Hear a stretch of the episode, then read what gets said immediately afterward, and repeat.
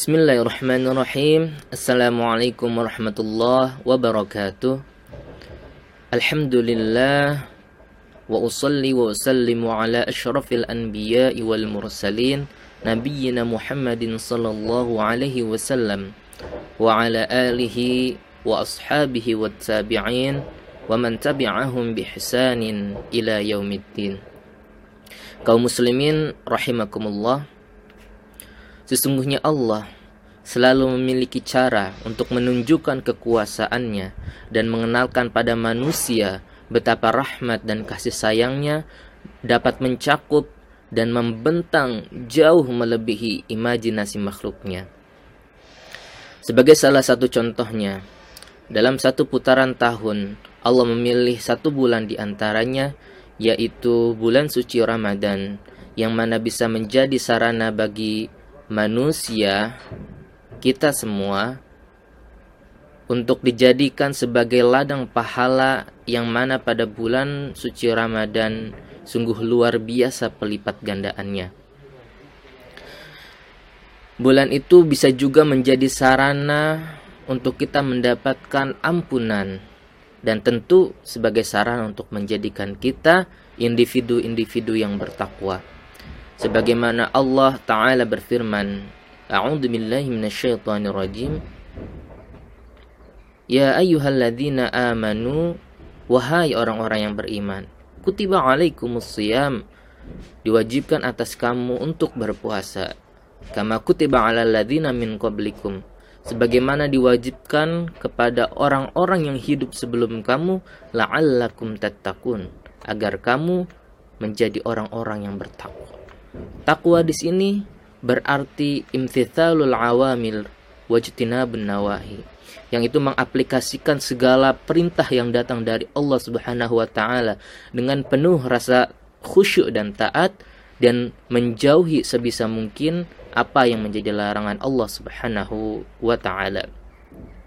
Kaum muslimin rahimakumullah. Di dalam bulan Ramadan ada satu keistimewaan di mana Allah khususkan 10 hari terakhir yang ia peruntukkan untuk para hambanya yang haus akan mendapati ridha dan pahala yang dijanjikan oleh Allah Subhanahu wa taala.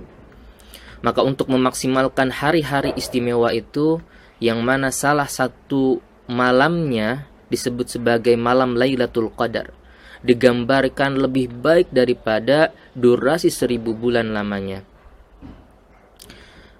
Allah Ta'ala berfirman, Inna anzalnahu fi laylatul qadar. Sesungguhnya kami menurunkan Al-Quran pada malam Lailatul Qadar. Wa ma adraka ma Lailatul Qadar? Tahukah engkau apakah malam Lailatul Qadar itu? Lailatul Qadri khairum min alfi Ketahuilah bahwa malam Lailatul Qadar itu lebih baik daripada seribu bulan. Maka dalam upaya menyambutnya, tentu kita memerlukan cerminan serta keteladanan untuk diikuti. Maka kepada siapa lagi kita melihat dan mencontoh selain kepada Nabi besar kita Muhammad sallallahu alaihi wasallam. Kaum muslimin rahimakumullah. Dari hadis yang diriwayatkan oleh Aisyah, kana Nabi sallallahu alaihi wasallam idza dakhala al-'ashru shadda mi'zarahu wa ahya laylahu wa ayqadha ahlahu. Rasulullah Shallallahu alaihi wasallam ketika memasuki 10 terakhir Ramadan, beliau kencangkan ikat pinggangnya, menghidupkan malam-malamnya dan membangunkan keluarganya. Dalam hadis tersebut dijelaskan bahwa Nabi Muhammad Shallallahu alaihi wasallam bersungguh-sungguh beliau berijtihad di 10 malam terakhir dan melakukan hal-hal atau ibadah-ibadah yang tidak beliau lakukan di hari-hari selainnya. Maka dalam hadis tersebut setidaknya ada tiga aspek yang bisa kita cermati yang bisa menjadi kiat-kiat utama kita untuk mendapati malam mulia, malam Lailatul Qadar.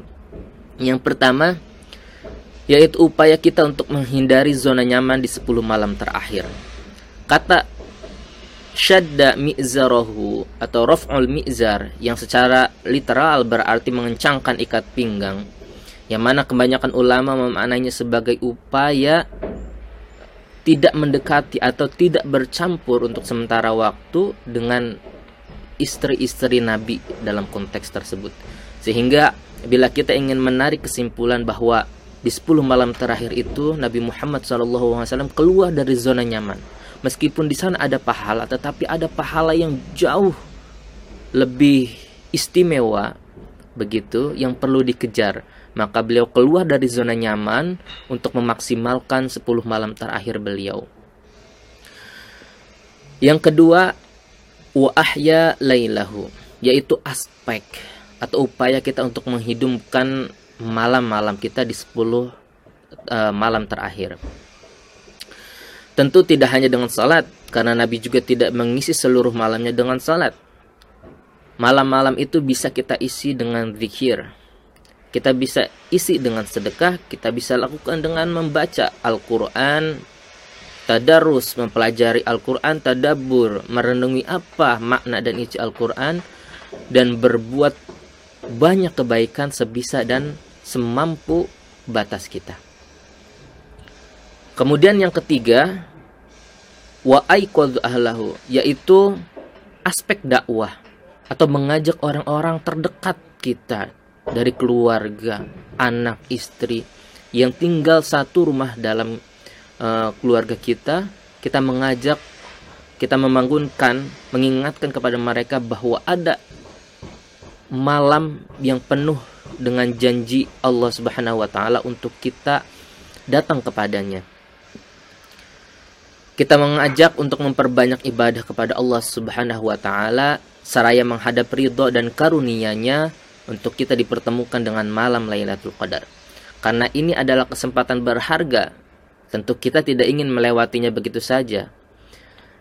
Layaknya seperti seseorang yang punya kesempatan bertemu dengan artis ternama misalnya dan dipersilahkan untuk membawa keluarganya mengambil foto dan mengabadikan momen bersamanya, tentulah kesempatan itu dijadikan prioritas baginya untuk mengajak keluarganya berjumpa dengan artis yang diidolakan.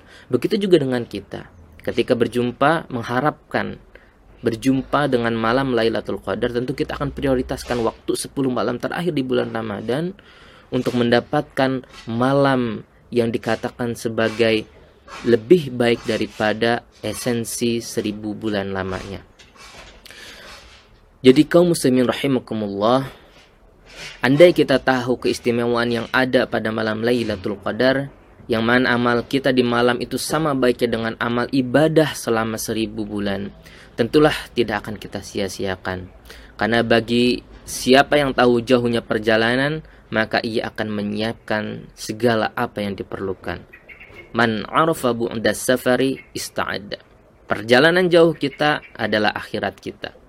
Maka semoga kita dipertemukan dengan malam Lailatul Qadar yang dengannya semoga bisa menjadi perantara kita mendapat ridho Allah Subhanahu wa taala, menjadi bekal kita dan mengantarkan kita ke tempat terindah yang dimiliki Allah Subhanahu wa taala. Amin ya rabbal alamin. Sekian dari saya, semoga bermanfaat. Assalamualaikum warahmatullahi wabarakatuh.